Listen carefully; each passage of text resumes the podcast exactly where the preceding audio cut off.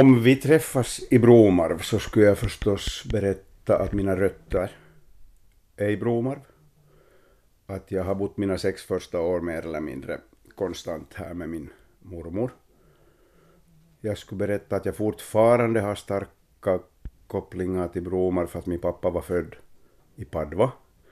Där vi har sommarställe sen, eh, det blir 29 sommaren nu i år som familj. Och före det då med, med, med, med mina föräldrar. Jag skulle berätta att jag är västnylänning från början för att från Broman flyttade jag till Ekenäs.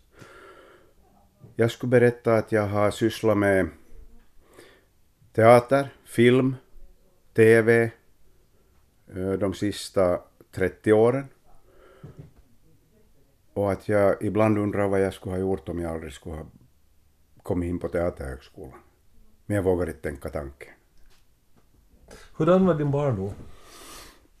Nu, jag hade på det sättet speciell barndom att min mamma fick mig som väldigt ung. Hon var bara 21 1966. Och det var kanske någon slags ödets lott att, att min mormor, som var hälsosyster här i Bromarv, eh, var änka ända sedan 1955 vill jag minnas. Så det betyder att hon blev väldigt tidigt ensam med tre barn. Och eh, när då mamma födde mig så var jag liksom den här nya mannen i min mormors liv om man säger så. Så att hon tog mig till sig liksom 110 procent.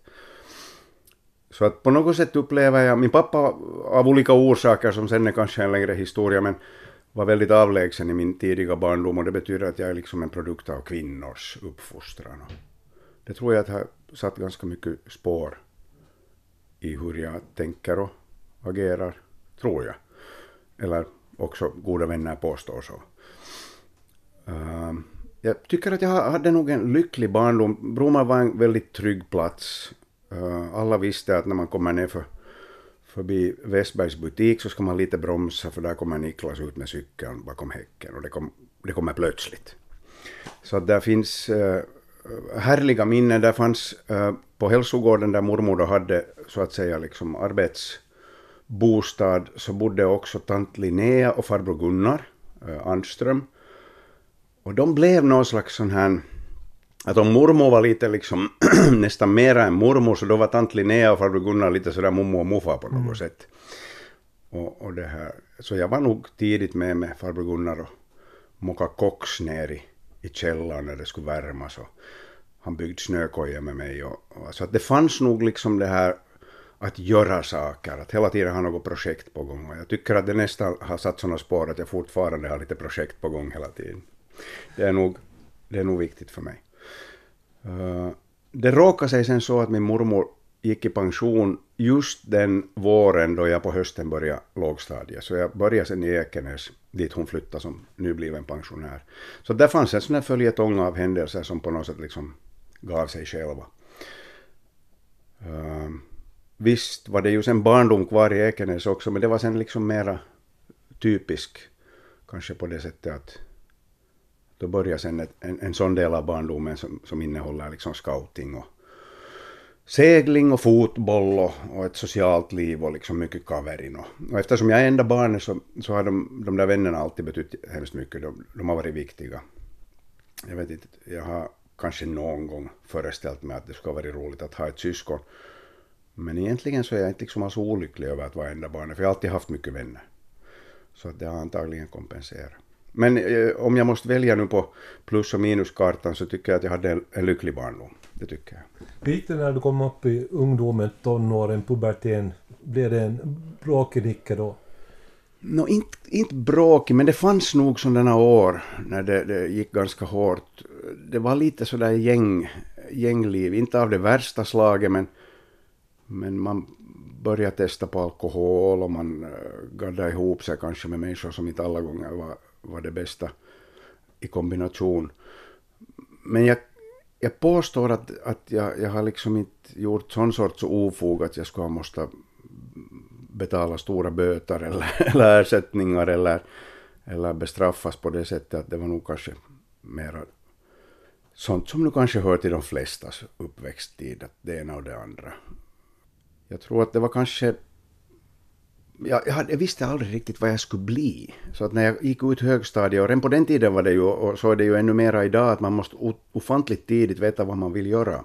Och det tycker jag är svårt och oerhört betungande för både som förälder och, för barnen själva att liksom ta ställning till vad man ska bli. Och jag hade ju ingen aning om vad jag skulle bli. Så jag uh, gick ut högstadiet och, och, och, jag kommer ihåg att mamma sa att, att det är nog ingen skillnad vad du gör men, men något måste du studera dig till. Att det, det får inte liksom bli vid det. Jag hade absolut ingen skolmotivation. Att någon liksom storläsare på skolbänken har jag nog aldrig varit. Antagligen alltför rastlös för det. Men därför blev det som det blev att jag, jag då just och just kom in i gymnasiet, hade jättedåliga betyg. Men det var ju kanske någon slags räddning för då fick jag tre år till att fundera. Och, och fortfarande där så var jag väldigt osäker för jag upplevde på något sätt att jag, jag, jag inte orkar studera. Men så kom då den här tanken på att liksom åkte på ett besök till Teaterhögskolan på tvåan i gymnasiet och så vad de sådär i ett nötskal sysslar med. Och på något sätt där liksom startade. Och då hade jag ju i princip inte sysslat med teater. Jag var med som tolvåring i ett, en uppsättning på, på Ekenäs teaterförenings Eh, ett projekt, vad var det, Huset. men inte hade jag någon erfarenhet av teater, utan hade jag sysslat Men att nu fanns där sen både i högstadiet och gymnasiet sådana projekt som liksom, där jag nog var ganska aktiv. Och på något sätt fick lite kanske självförtroende, jag trodde på mig själv också när det gällde att, om vi nu kallar det uppträda eller eller liksom på något sätt skapa föreställning eller underhålla. Så det, det fanns i botten, men, men det var någon slags sån här kick jag fick sen när jag, när jag åkte dit och kollade vad de gör. Och det var en exkursion antagligen från skolan som man arrangerade? Va? Ja, det var Gitta Nyberg som var min modersmålslärare i, i högstadiet som för det första grundade en sån här dramaklubb på skolan. Jag minns att vi var på någon sån här skolornas dramafestival någonting vi gjorde någonting dit, men, men framförallt så ville hon på något vis liksom skapa möjligheten. Kanske det började på den tiden att man började göra liksom, nu talar vi om början av 80-talet, att man började göra utflykter och på riktigt liksom skapa sig en bild av att vad är det för en studiemiljö, eh, den som studerar statsvetenskap eller ekonomi, eller att vad är det för en, en ett hus de, de studerar i helt enkelt. Och vad är det för lärare och, och, och, och vad, vad är innehållet? Så att det var ju på något vis nog sådana kickar folk fick. Jag minns att andra var till andra studieinriktningar och, och bekanta sig. Och de kom tillbaka och det var sådär liksom att yes eller nej, mm. dit vill jag inte. Så det är otroligt bra. Det antar jag att man gör i dagens läge också. Men då var det på något sätt klart för mig att där finns nu någonting som då kan till och med råkar vara en akademisk utbildning fast det ju inte är det. Det är ju ett hantverk. Det är som att bli båtbyggare eller att skapa sig en verktygsback, Eh, liksom fördjupa sig i ett specialområde som definitivt inte är liksom akademiskt i sig. Men det är ju turligt nog för studerandena att de klassas som akademiska studerande för då får de fullt studielån och, och, och, och så att säga alla de fördelar som akademiska studerande ju bör ha. För det är så pass många år. Så att det här, men man skrattar ju lite åt det där. Så jag är faktiskt magister i teater, konst eller scenkonst, teaterarbete, vad det nu sen är. Så att om jag kommer rätt ihåg så, du var ju redan på den tiden så lite, som man säger i Västnyland, spelevink. att, att det fanns där en glimten i ögat. Men, men hur reagerar kompisar när du berättar att ja, Teaterhögskolan följande här? No, det var ju inte så att jag gick ut med det hemskt stort därför för att det var ju lite så här att man far till clownskola liksom. E, e, Ekenäs eller Eknäs som man säger, så var det ju nog så där att det är ju inte ett riktigt jobb. Dessutom på den tiden så levde man ju starkt i den tron att om någon blir skådespelare så är det en kommunist. Så jag kommer ihåg att, jag ska inte säga vem, men en släkting till mig frågade när jag sa att jag hade kommit in på Teaterhögskolan, Nicke är du kommunist? Inte fanns det ju någon politisk koppling för mig, men, men faktum var ju att före Turka kom på 80-talet och slog sönder hela liksom Teaterhögskolans undervisningsuppbyggnad och, och alltihop, så gick man ju omkring med små skor och kavaj och partiboken i innerfickan. Så det var ju politiskt, det var väldigt politiskt. Men inte för mig. Och inte sen mera när jag började heller. Men du kom in med första gången va? Ja, jag kom in med första gången. Det var en, en, en otrolig historia för att jag väldigt mycket i smyg då, när jag väl fick till det. Alltså meningen var att före armén 85, 86, vad, var det? 86, så tänkte jag att jag, jag söker. Men jag fick det liksom aldrig gjort. Jag jobbade på järnhandel och, och, och förtjänade den där sommaren pengar och fick det liksom inte gjort hela allt det där. Så jag ryckte in i armén, skötte den och när jag kom ut därifrån uh, så hade jag absolut ingen lust att gå tillbaka till gamla sommarjobb. Så jag tänkte att jag blir kvar i Dragsvik som, som så kallad sommarsergeant. Vilket jag också gjorde. Och, och hyrde min första lägenhet, tre rum och kök, 600 mark i månaden. Ett rum var helt tomt för det var ju fullständigt onödigt att ha så stor lägenhet. Men i alla fall. Så jag äh, fick sen till under det där året där att så att säga anmäla mig, få förhandsuppgifterna och börja förbereda mig, skicka in något och så fick jag kallelse att komma. Och då måste jag ju anmäla till, till enheten att jag behöver ledighet.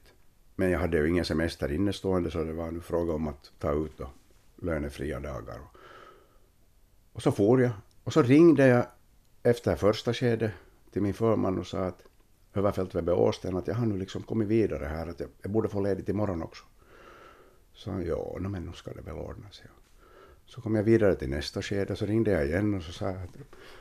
Så det började ju lukta lite i andra änden, sådär som att jag är på någon slags brännvinsresa i Helsingfors här, att det är nog inte alls något inträdesförhör här. Men det var nog faktiskt ett inträdesförhör. Och så gick det att jag kom sen in. Och då vågade jag säga åt folk att nu, nu har jag slagit om till något helt annat att jag började på Teaterhögskolan. Men det var nog lite sådär att om jag skulle ha kommit hem med svansen mellan benen och utan studieplats så skulle det inte ha varit så roligt att medge att jag har varit liksom ute för att bli, bli Pelle Jöns och inte ens det dög jag till. Men nu dög jag då. Men du hade ju intressanta sådana extrajobb om man säger så. Först järnhandel och sedan ännu liksom sergeant i Raxvik. Jag har ju fortfarande en otrolig svaghet för järnhandlare. Alltså jag, Eh, jag tror att det var fyra somrar på Tallbergs järnhandel. Det första var vid torget i Ekenäs och då går vi ganska långt tillbaka alltså för att den flyttar ju sen ännu till ett par ställen efter det. Men det var det gamla Tallbergs. Och, och sen då fyra somrar. Och det är fortfarande så att min fru kommer aldrig med om jag är på väg till järnhandeln så kommer hon aldrig med för det tar så länge. Så det är som när hon går till kläd, klädbutiken så då går jag ju absolut inte med för jag vet att det här går inte snabbt alltså. Men jag, jag måste gå vissa hyllor och kolla, jag måste lite sådär liksom fylla, tanka, tanka akkun liksom där i, i järnhandeln. Och jag tycker att det är roligt om jag inte hittar något. För då får jag fråga. Att hör du, var har ni det här? Är det här nu enda alternativet? Aj, det finns sånt här nu för tiden. Oj, oj, hurja. No, men då måste jag prova. Liksom det, man, man har ju en viss svaghet för sånt man vet någonting om, men kanske, eller definitivt inte allt förstås. Men. Och de var nog fina somrar de här.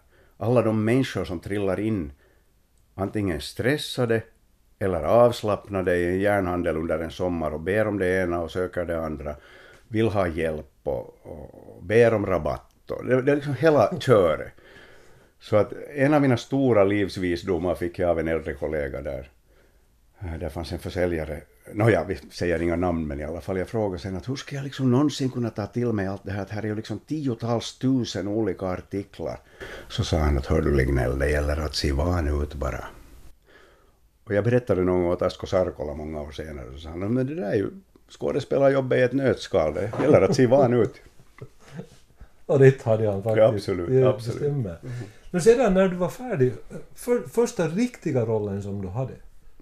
No, det kommer kanske inte riktigt så, utan de facto så var första riktiga rollen var en på tvåan i, i Teaterhögskolan när vi spelade Prinsen och Tigga-pojken på Svenska Teatern som ett slags första praktikarbete. Och det var ju nog, det var liksom stor roll och, och, och stora scenen på svenskis, nu kändes det ju hurja.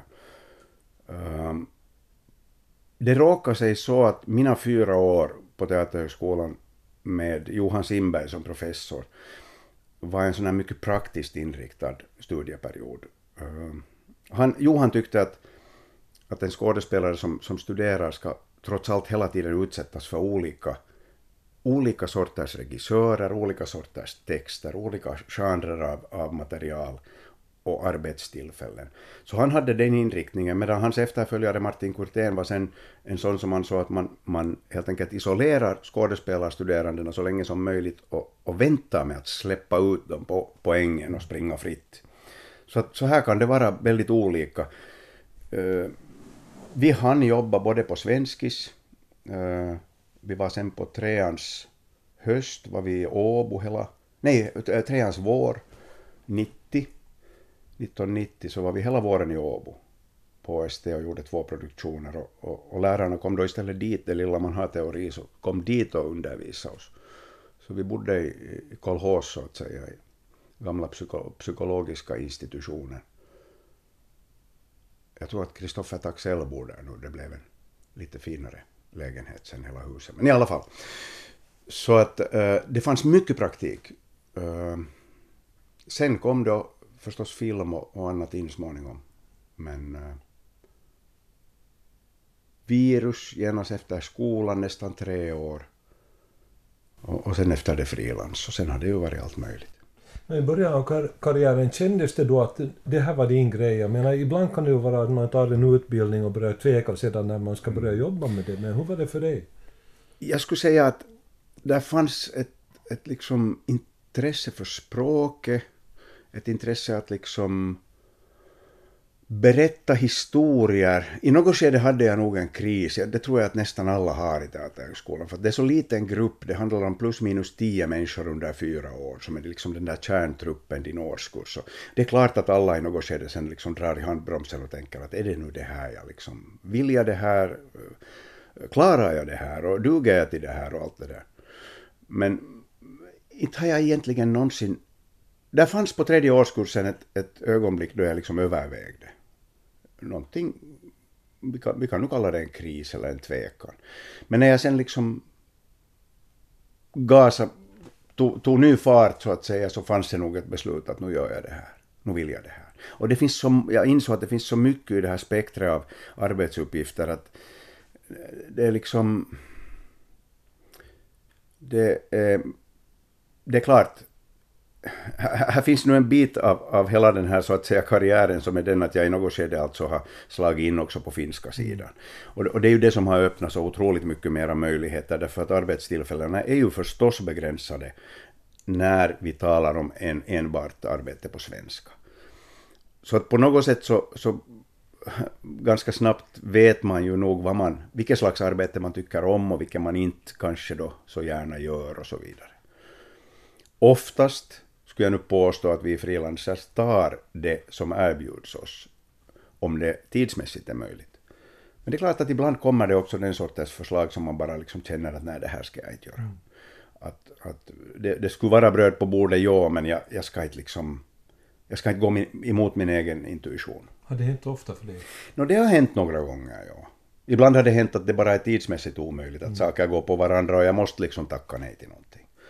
Men ehm, det kan vara människorna i centrum för ett projekt. Någon, du vet att, att här går kemierna nu liksom i kors. Att det är ingen vits att jag tar den här utmaningen. Att det är jag som i så fall sätter mig själv liksom i, i, i svårigheter. Eller så, så kan det vara någon, någon form av projekt som är sånt att man bara liksom inte... Man känner att det här, det här vill jag inte. Det är en genre liksom som, som inte eh, lockar. Men du tog en stor utmaning om man tänker just det här med att börja jobba på finska. Jag menar, du kommer från helt svenskspråkiga förhållanden, från, från Blomar, ja. Västnyland, Ekenäs. Och, hur, hur kändes det i början? No, det var ju spännande därför för att uh, nu måste jag ju säga att min första liksom finska skola var ju inte grundskolan, alltså, för jag hade inget intresse för finska. Min mormor var väldigt orolig medan hon ännu levde. Hon dog alltså när jag var 12. Men jag hade hunnit ha finska i skolan, hon var väldigt orolig för hon var helt tvåspråkig. Hennes pappa var, var finskspråkig och mamma var svenskspråkig. Så att hon hade nog en, en, en, en liksom, hon var väldigt medveten om att den där finskan borde jag nog liksom ta till mig. Eh, men jag gjorde det inte under skolan alltså. Det fanns inget intresse, som alla i en fullständigt svenskspråkig bygd vet, man bara liksom inte förstår varför man skulle måste. Inte i den åldern ännu. Men nu kanske världen ser lite annorlunda ut än vi far mera i kors och, och, och, behöver nog alla språk vi kan ta till oss. Men eh, när jag då kom till Helsingfors så pratade jag ju ingen finska egentligen. Jag var oerhört blyg med att säga någonting på finska. Men så träffade jag min fru, som då kommer från Sankt Mikkel. Och, Och, och vi, vi har liksom under de här åren tillsammans lyckats byta språk utan att ha någon slags överenskommelse om saken. För vi var väldigt noga med att våra barn skulle bli liksom absolut 50-50 tvåspråkiga. Att svensk skola, nästan alla hobbyn på finska, mycket kompisar på finska, mamma finsk, pappa svensk. Vi, vi läste sagor på båda språken, vi höll oss liksom strikt i våra egna modersmål, hon och jag. Så jag skulle påstå att barnen är just så tvåspråkiga som de bara kan bli. Och där på den vägen så lyckades jag ta till mig finskan. Sen kan man nog säga att, att det här TV-programmet Voitto Kotiin för mig var ett slags språkskola för att det var de facto, det fanns inget manuskript. Så jag måste möta de där människorna liksom på, på fri bas. Och, och vi gjorde de facto 500 program. Så att det här, det var ju nog en språkskola. Och, och där tänkte jag på något sätt sådär um, att jag, jag, är den jag är, jag talar som jag talar, det får duga, det är take it or leave it liksom. För att om jag skulle eh, ha varit rädd hela tiden för att göra fel, så, som med allt annat i livet, om du bara fokuserar på att undvika att göra fel, så då, rätt blir inte bra i det fallet. Så att eh, det är nog bara att bjuda, bjuda på det som man är och det som man har och det som man kan. Och duger det inte åt alla, vilket det ändå inte gör, så, så får det vara. Så på den vägen har jag lärt mig finska. Och ibland kan någon säga till och med att man inte hör att jag är svensk. Ibland säger de att jo, man hör det lite, men det stör inte. Ibland kan det vara någon som har mycket starka åsikter om vad jag borde och vad jag inte borde, men, men det här, man kan ju inte ta till sig allt. Får du mycket feedback från publiken just när det gäller de här populära tv-programmen som du har medverkat i? Det är så länge sedan nu alltså. Nu har jag ju återkommit till kamerajobbet på nytt när jag började på, på, på psyke förra eh, 2019 på våren. Och, och, det har varit otroligt roligt, för där fanns en, en period på ungefär tio år då jag inte gjorde liksom, okej, okay, små inhopp kanske här och där, men inte ett kontinuerligt arbete med TV. Men det går ju faktiskt tillbaks till liksom första vad ska vi säga, början av 2000, liksom före 2010 helt enkelt. Så uh, nu finns det en generation som står på två fötter som inte har en aning om vad jag har gjort på den tiden eller vad som gjordes överhuvudtaget. Så jag menar det finns ju redan ungdomar som nästan är vuxna och när du säger kummeli så vet de inte vad kummeli är. Så att jag menar vi får bara acceptera att det står en femma som första nu på ens ålder och, och det har sitt pris. Men ja, då, på den tiden, så kom det nog en hel del. Nu ska vi komma ihåg att internet var liksom på väg då, och telefoner fanns ju, men att jag menar, det var inte den sortens liksom tele och, och liksom internetkommunikation som vi har idag. Det fanns inte liksom sociala medier på det sättet. Så att eh, kanske man lite skonades tack vare det också. Men nu kom det. Jag kommer ihåg att på Voitokoti kom det väldigt mycket. Och vi hade en deal med en av killarna på, på Solar Films, uh, Solar Television. Han sa att gå inte dit Nicke, gå inte och kika på det. Utan jag hämtar åt dig sådana kivoga. Och så tar du dem och de där elaka de slänger vi bort. Och så gjorde vi. Så jag, jag, jag fokuserar aldrig på dem. Vilka egenskaper tycker du att är de viktigaste då det gäller skådespelaryrket? Det är nog en svår fråga för att eh, man skulle kunna säga att i början, allra första början så, så vi kan, ingen av oss kan riktigt veta vad vi egentligen besitter för, för goda egenskaper som passar det här yrket. Det har visat sig så många gånger att någon som har verkat vara ett, ett, ett verkligt bra liksom, ämne i början bara trillar av. Och någon som var väldigt blyg eller liksom återhållsam plötsligt bara blommar upp och blir liksom en helt otrolig skådespelare. Så det, det, det, jag skulle säga att där i början så det, handlar det nog mest om det att om den där elden finns där inne, den där viljan att göra, viljan att prova och, och, och lusten helt enkelt. Så det, det, är nog liksom en mycket viktigare egenskap än att du, att du är otroligt bra på någonting specifikt. Jag läste just att till exempel någon av våra finska fotbollsspelare kom ut och, och spelade i England därför att han hade en så otroligt bra högerfot. Att de konstaterar att man behöver inte vara så fruktansvärt bra liksom på allt, men om man har en stark sak så kan man liksom brända sig med det också. Och så, så blir det ju lite bland skådespelare också. Man, man vill ju inte tro det i början att, att man inte ska bli nu väldigt mångsidig och, och fixa det. Allt som bjuds så ska jag fixa, att jag ska vara så otroligt duktig. Det visar sig ofta under åren att det är vissa saker som liksom sitter bra för dig och, och vissa saker för dig och, och jag råkar vara bra på det här och det här. I något skede vill man gå emot det, men så märker man att det är ändå alltid det som sticker upp. Um, jag, jag, tror att uh, det är väldigt mycket helt enkelt av en händelse saker sker. Det är eh, liksom ödets nyck. Du kan planera en, en karriär, du kan, du kan sätta mål, jo, allt det här. Och visst måste man jobba för att saker ska hända, att inte, inte, inte blir det någonting till om du sitter hemma och väntar. Men nu är det ju, som man ofta säger med, med frilansskådespelare, att du är nu ungefär så bra som ditt sista jobb. Det finns en sanning i det. Sen finns det någonting du har gjort någon gång som kanske blev lite sådär mera känt eller någonting som du alltid kopplas till på gott och ont. Och det, det, är kanske lättare att så att säga acceptera det än att försöka alltid gå emot det. Eh, man får ju förstås en lust om det alltid dras upp något gammalt så får man liksom lust att... Men samtidigt som man tänker på de här stora, stora musiklegenderna när de kommer då till exempel till stadion här i Finland, till Helsingfors, så om de helt och hållet lämnar bort alla sina stora hits så är vi nog besvikna när vi går hem. Att nu måste publiken också få koppla saker till just det som är det där liksom emotionella. Så att vad är nu sen rätt och vad är fel men jag tror nog att Nåja, jag, som sagt, jag tror, jag tror att det är av en händelse väldigt många saker sker. Det går inte att planera. Så att om man har haft tur så får man bara glädja sig efteråt. Du är en kändis, det är ett faktum. Ditt ansikte är känt. Du är känd mm. från TV, du är känd från filmer, det är ofta reportage i tidningar och så vidare. Hur har du upplevt kändisskapet? Um, jag skulle säga så här att jag har ju nog på vägen liksom väldigt starkt kopplats till den familj jag har varit med och, och, och, och så att säga skapa. Att jag upplever nog att, att man väldigt ofta har tagit både mig och Raxo tillsammans och, och, och också liksom betona det där att fem barn, wow.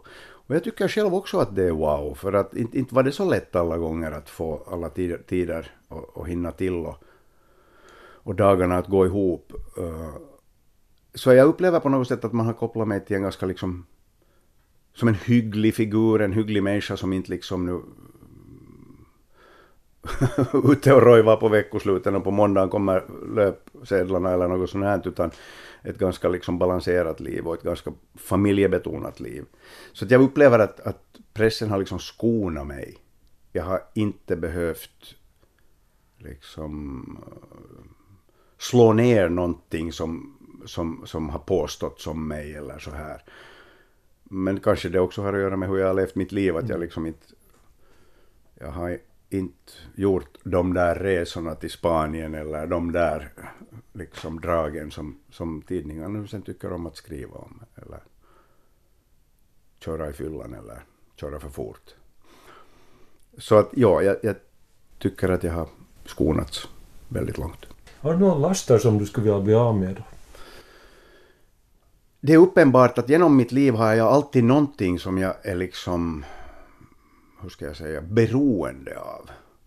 Att om jag som barn var en otrolig jaffa och bulla pojke så, så började jag röka väldigt tidigt. Och jag, vet, jag, kan inte säga exakt när vi började så att säga dra ner i lungorna, men vi började väldigt tidigt röka. Vi var ett gäng som i smyg, som det ju börjar. Det har jag nu fått liksom bort. Jag fyllde 54 nu det här året och, och, och jag, i januari så blev jag anmodad av medicinska skäl av min tandläkare bland annat att eh, nu, nu får det vara. Nu, nu skulle det nog vara bra. Och jag, jag bara beslöt att nu måste jag. Och då, då, är det ju förstås det att man har funder, hunnit fundera några gånger att om jag är över 50 och jag har rökt liksom över 30 år trots att jag hade en åtta års paus där eh, tidigare så nu måste ju kroppen i något skede börja ropa, mm ropade stoj. Så nu, nu har jag bestämt att nu, nu är det slut. Nu går jag lite på Nicorette och det är förstås, nu har jag följande, följande liksom behov här som jag upprätthåller, eller samma behov men i annan form. Men jag är i någorlunda skick, men jag börjar just vara i den där åldern nu när jag fortfarande till exempel skulle vilja spela tennis, men, men knäna håller inte riktigt. Och, och jag, jag, jag, vet inte, jag, jag, känner inte att jag skulle liksom vilja gå på några operationer för att liksom möjliggöra, utan jag accepterar det. Och, och kanske kan man göra, förstärka vissa saker och så här, men, men då måste man antagligen bara byta till något annat. Tennis är ganska tuff idrott, men jag skulle behöva en boll. Jag, jag, jag, jag tycker så illa om att fara ut på länk. Jag, jag far aldrig ut på länk. Nu har jag lite cyklat, under coronan så cyklade jag en hel del. Jag tog en sån där 20 kilosars länk och hade tänkt börja göra dem lite längre men, men så försträckte jag liksom lårets bakmuskel här och, och återhämta mig från det. Men kanske jag på hösten igen kan börja cykla. Men för att återgå till det här nikotinberoende, vilka är de värsta stunderna? Det är ju det där sociala. Det, det, är ju helt enkelt att komma samman med människor som, som man har suttit och rökt mm. med. Och, och till dem hör ju min mamma till exempel. Min mamma röker fortfarande. Och jag föreställde mig medan coronan ännu var på, före vi kom till, till sommarstugan, att det kommer att bli svårt att sitta och prata med morsan och hon röker och jag tittar på. Men det har inte alls varit svårt. Det gör mina kaffepauser lite kortare. Jag, blir liksom, jag behöver inte sitta där och, och röka och fimpa, utan jag, jag kan dricka den där kaffe och så sätter jag igång med något, något annat. Uh, som sagt, jag har, jag har mina tuggummin nu då som hjälper, men Eh, jag sitter så lite på krog och ingen har ju suttit på krog nu den här våren då, då jag då har slutat röka, så jag liksom kom undan det också. Uh, jag kan inte säga, det är nog efter maten förstås det på något sätt hör det ihop att få, få den där kaffet och den där cigaretten. Eh, det är nog märkligt att man kan vara så invand alltså. Att man är så förlorad i någonting. När man med viljestyrka kan göra så mycket. Men man blir ju som ett litet barn alltså som inte får liksom den där karken i butiken när man måste lämna bort den där cigaretten. Men nu börjar det nog kännas redan att det är bakom. Men hör du, Eh, det är ungefär 14 år sedan som du var med i en väldigt traumatisk trafikolycka. Väldigt, väldigt allvarlig. Mm. Och skulle det ha gått riktigt illa skulle vi inte sitta här nu. Men jag har funderat på det att eh, hur, hur mycket påverkar den händelsen din inställning till livet? Ja, det, det, det gjorde den då och det, det, gör den fortfarande. Det, det blir ju ofrånkomligen så att när allting stannar så plötsligt som det gör i samband med en olycka så hinner man, man både får, kan och måste fundera på saker på nytt. Det gör också ens omgivning. De reagerar på olika sätt och, och påminner en om det en ganska lång tid. Till och med ännu kan någon komma och fråga att när var det det hände eller? Men just då efteråt så var det ju förstås, det var ju en fråga om att klara en dag i sänder och, och, och jag hade såna minnes, minnesproblem då i början och, och fick alltså rehabilitering för det och uh, kunde återvända till mitt arbete, vilket ju ganska långt använder just minne som ett verktyg, så att det var ju viktigt att, att få det liksom i skick nu blir det ju lite del två, eller det blir definitivt del två i ens liv.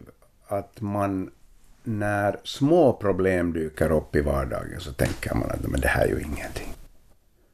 Att jag liksom kunde vara i rullstol eller mina barn kunde vara faderslösa eller liksom du behöver ju bara kasta en blick åt det där hållet och de tankegångarna som fanns då så vet man att det jag möter nu här idag det är ju bara små problem, det här löser sig. Så att ett slags sån här liksom jämkning av vardagen skedde nog därifrån framåt. Eh, man värdesätter människorna som finns i ens liv och påminns om att det egentligen bara är de som liksom betyder någonting. Att om en bil skruttas sönder eller ett trä faller över din sommarstuga eller någonting liksom uppstår, så det mesta går att fixa. Du kan ju svära lite men det går ändå att fixa. Men att vi människor, vi är ju där i centrum och, och, och runt oss har var och en av oss liksom en så ofantligt förvånansvärt stor mängd viktiga människor när man börjar riktigt fundera. Alltså det är klart att din familj är ju den absoluta och så kommer föräldrar och nära släktingar, goda arbetsvänner, men det finns de, de där ringarna är ju så enorma. Så därför är alltid en sån här kris, när jag tänker på, och jag hör ju nästan varje vecka, för att jag börjar vara i den åldern nu, hur någon har fått cancer till exempel. Och det, det, det, de där ringarna är så stora. Att där, där är det ju just den där samma känslan som, som jag och min familj drogs med då, att tänk om det hade gått andra vägen. Tänk om. Att hålla bara helt enkelt uppe liksom alla de fina kontakter man har. Och det låter som en kliché, men det är så jävla sant. Och värdesätta andra människor. Det är nog antagligen den största lärdomen. På vilket sätt förbereder du dig för en ny roll när du till exempel, du, jag vet ju att du jobbar med en, en film för tillfället. Mm. Hur, hur förbereder du dig i allmänhet? Jag tror att um, som det nu är så gör vi ju alltså film av en bok. Så jag antar att det mest naturliga är ju då att läsa den där boken. Mm, antagligen några gånger. Sen kommer det ett manus i något skede och då handlar det ju om att helt enkelt jämföra att vad allt blir borta nu då. Ta till sig den där storyn. Sen finns det nog en, eh, en dialog med regissören om, uh, vad ska vi kalla det, det handlar ändå om ett persongalleri när det är fråga om en film. Eller också teater. Så att de kan inte vara väldigt lika till exempel olika figurer. Så att man, det handlar också om att, att göra ett spektra som liksom håller genom diskussion också ta reda på vad det är för en, en slags film man vill sträva till att få till stånd helt enkelt. Alltså att är det, är det, vad är det för en story vi berättar? Vad, vad, vad vill vi att publiken ska ta med sig hem? Och, Ehm, sen kan man nog planera en hel del, men det finns också saker jag tycker att man inte ska och kanske inte ens kan slå fast hemma på egen hand. Man, man, man ska inte liksom göra det färdigt ganska fort när man sätter igång och filmar så, så visar det sig att, att nu ska det vara mer av någonting eller mindre av någonting. Nu, nu ska det vara det här, det här draget hos den här rollfiguren, det är nog det som är drivande. Uh, ingen, in, ingen av oss, och inte heller på film, är ju någon rollfigur liksom totalt ensidig. Vi är ju alla eh, liksom ett sammelsurium av olika egenskaper. Men tyvärr, på film måste man lite förenkla. På teater också ofta. För att vi måste liksom fördela de där, det där persongalleriet eh, så att, att vi får ett spektra. Så det handlar ju lite om att förenkla också.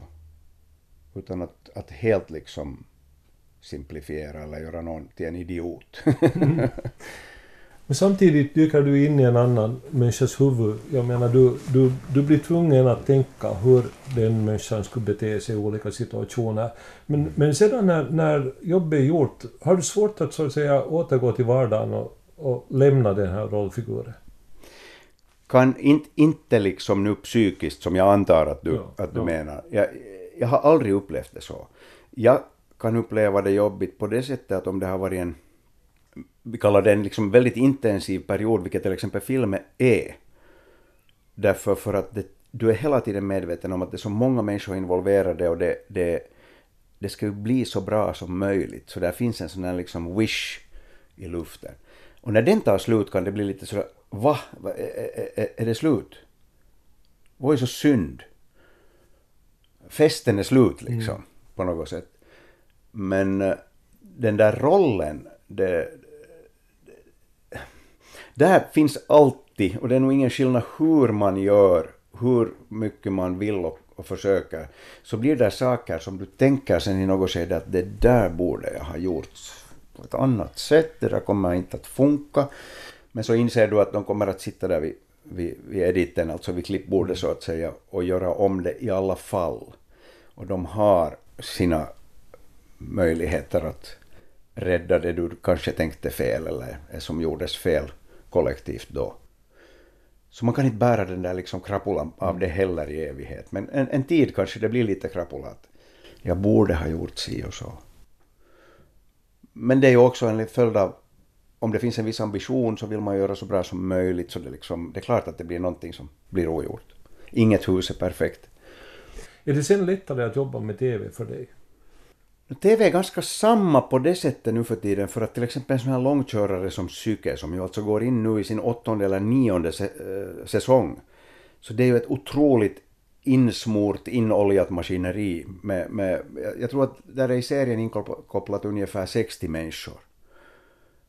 Och, och det bara rullar alltså. Och det är jättetajta dagar. Det kan vara 20-25 minuter före en scen, men vi är ju i studio då, så att vi vet var vi är och vi kontrollerar vädret, vi behöver inte liksom... Uh, ja, det, det, vi, vi kan planera så att det där får ta 30 minuter och det tar inte heller mer. Film är ju på det sättet eh, helt omöjligt att liksom bemästra för att ska vi filma en solscen så behöver vi sol och har vi inte det så då kan vi inte filma det, så vad gör vi då istället? Och så börjar en improviserad tidtabell liksom ta form. Eh, jag skulle säga att, att en TV-serie på det sättet lättare gör att jag kan lita på vad som kommer att hända. Det, det går så som det har planerats. Att, att det kräver inte någon större mängd av liksom flexibilitet eller att förhålla sig förstående eller att töja på sina egna, egna någonting. Men tidtabellerna håller. Jag tänker till exempel på Lena Meriläinen, Jukka Puotila, jag var någon gång på 90-talet var jag med i Kotikatu som gick alltså i 17 år.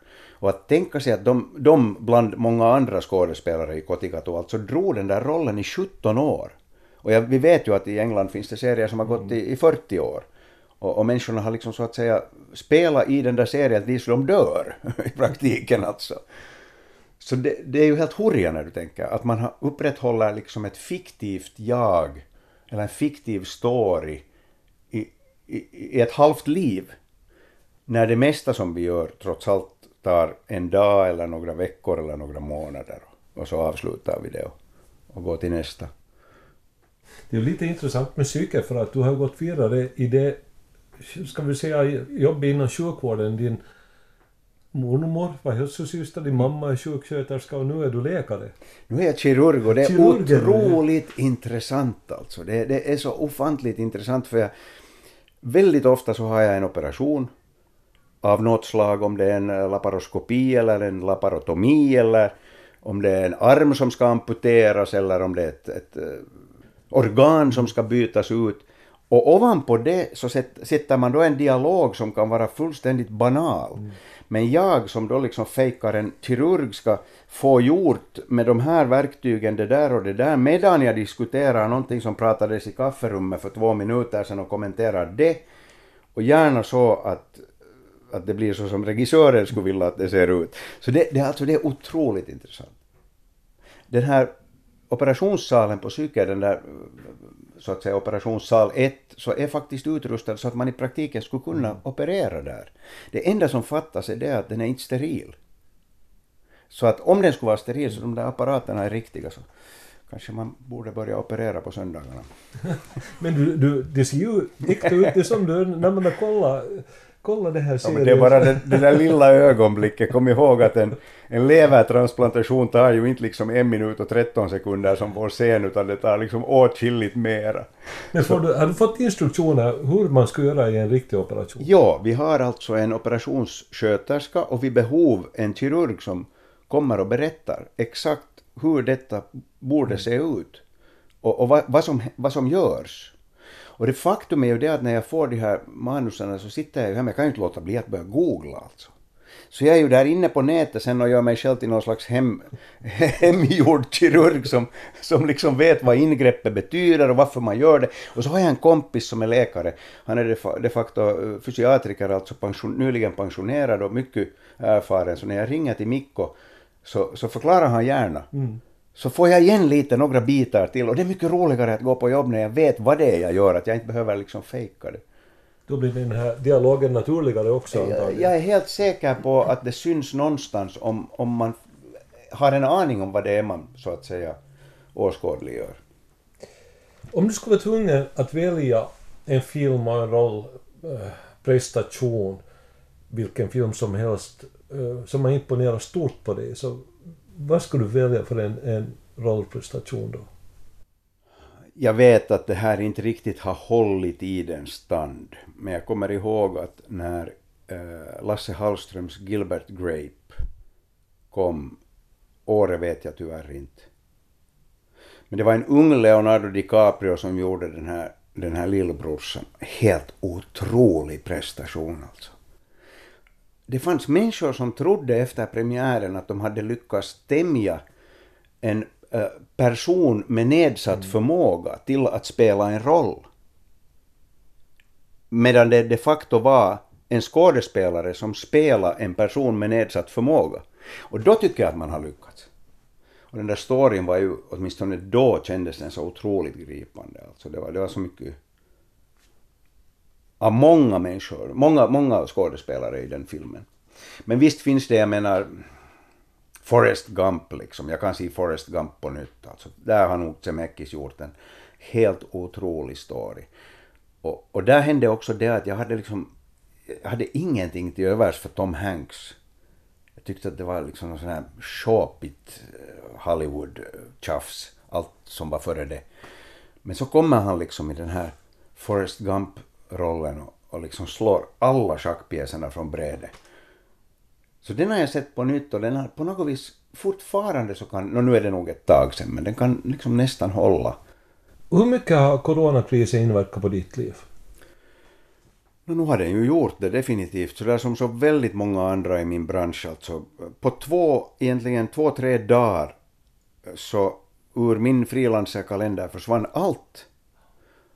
I blir det nu sen då slutet av februari, början av mars, jag har säkert förträngt det nu redan, men, men nästan tre månader satt jag hemma i Sibbo. Och eh, visste ingenting om uh, närmaste framtiden, ingenting om liksom den höst som vi har framför oss. Nu vet jag, men då visste jag inte, och inte visste ju någon, att, vad, vad är det för ett virus, vad ska det här bli, och plötsligt angår det hela världen, och det kändes som att allt det vi hade pratat om, om de här ekologiska kriserna, naturens liksom förfall, hur, hur illa vi har tagit hand om vårt jordklot, och, och, att vilka liksom åtgärder ska vi nu ta, ta till för att få det här korrigerat, eller är det till och med för sent? Så mitt i det här så kommer naturen och säger åt oss att här har ni, gå hem och fundera. Så att, eh, ja. Nu, nu, nu är det ju en stoppare att, att sitta hemma i jag har ju lyckligtvis barn som är så pass gamla att ingen går i skola, men jag vet att de som har jobbat på distans hemma och dessutom fungerar som halvlärare åt sina barn som har suttit på datorn, så de har nog haft en tuff vår. Så jag har ju haft en betydligt lättare, men att det är klart ekonomiskt men sen tänker jag också så här att nu finns det människor som jobbar alltså heltid fastanställda som har blivit permitterade. Mm. Kanske båda föräldrarna i en familj. Jag är ju frilans, jag har alltid varit van med att ibland är det knäckebröd, ibland är det inre filé. Fast inre filé får man inte säga mer, för vi ska ju alla vara vegge nu. Mm. Men, men, men jag har lättare att acceptera att, att min kalender har tomma veckor. Den, den, eller tomma dagar. Den har det ibland och den har haft det i, i 30 år. Så att jag är liksom jag har ju liksom äh, arbetsplatsförhandlingar varje dag. Medan den som i princip har räknat med sin månadslön och i värsta fall då som jag sa båda mm. föräldrarna i en familj, så dem tycker jag synd om. De har ingen beredskap att ta emot en sån smäll. Så att eh, jag, jag, jag, är, jag har inte haft en kris på det sättet. Jag har haft en mycket underlig vår, men inte en kriskris. Tror du att mänskligheten kommer att, att förstå liksom den här varningssignalen överhuvudtaget? Jag menar, tror du att det kommer att återgå till det vanliga livet när allt det här är över? Om det nu går över på... Jag tror inte att det går över så här fort. Jag tror att det kommer mera. Jag vet inte sen vad vi ska kalla det, andra och tredje vågor, eller, eller är det bara liksom det att det blir kvar och hänga, att vi helt enkelt inte kan undvika att människor reser så pass mycket att vi upprätthåller det här spridande härifrån framåt. Jag undrar om, man, man har ju skrivit att man redan liksom för tio år sedan började tala om att det kommer att komma en pandemi. Alltså inte bara en epidemi utan en pandemi. Och frågan är bara när och vad är det? Men det kan man ju inte förbereda sig på. Och nu jobbar vi på det här vaccinet, när vi får det så kanske det lugnar ner sig, ja. Men det kommer ju nya. Mm. Och vi är, för, vi är för många på det här jordklotet så att... Och det har vi också vetat hela tiden, men hur, hur ska man förbereda sig på sånt? Ska vi göra oss färre? Hur gör man det? Eutanasi. Jag menar, det är så svåra frågor att, att ingen enskild människa vågar ens uttala sig om sånt. Um, jag vet inte. Jag, jag, jag, jag, jag är bara en liten människa när det kommer till det här, så jag tänker att uh, handhygien, hygien, alla de här simpla sakerna, hålla lite avstånd, det här, det har vi ju lärt oss nu. Nu slår vi ihop armbågarna istället för att krama varandra eller, eller skaka hand, så att nu lär vi oss. Nu, nu kan vi ta till oss nya saker och leva liksom enligt de normer som då uppstår för att vi ska undvika att gå ner oss totalt. Men inte vet jag hur den här världen kommer att se ut. Det är nog både intressant och skrämmande. Hur ser en perfekt söndag ut i Nicke Lignells liv? Uh, söndagar är svåra och det här är intressant alltså. Den här diskussionen har jag haft förut. När man kommer från en liten stad uh, och minns sin ungdom i den här stan, som till exempel i mitt fall Ekenäs, så är söndagen liksom en sån här ångestdag. Man har kanske senare i ungdomen festa och då är det lite huvudvärk. Det händer ingenting i en småstad på en söndag. Allt är dött och en ny vecka ska börja. Och det är liksom så att oj nej, var ska man ta sin... Och det, jag har ännu kvar någon slags svans av det här fast jag är 54 år gammal. Att jag märker att söndag är inte en bra dag i veckan.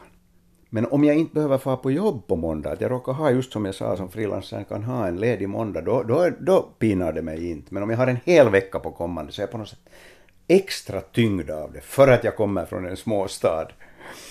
Så att äh, min perfekta söndag, som svar på din fråga, är nog det att få vara på landet och veta att här är många söndagar på kommande och ingenting som, som tynger en.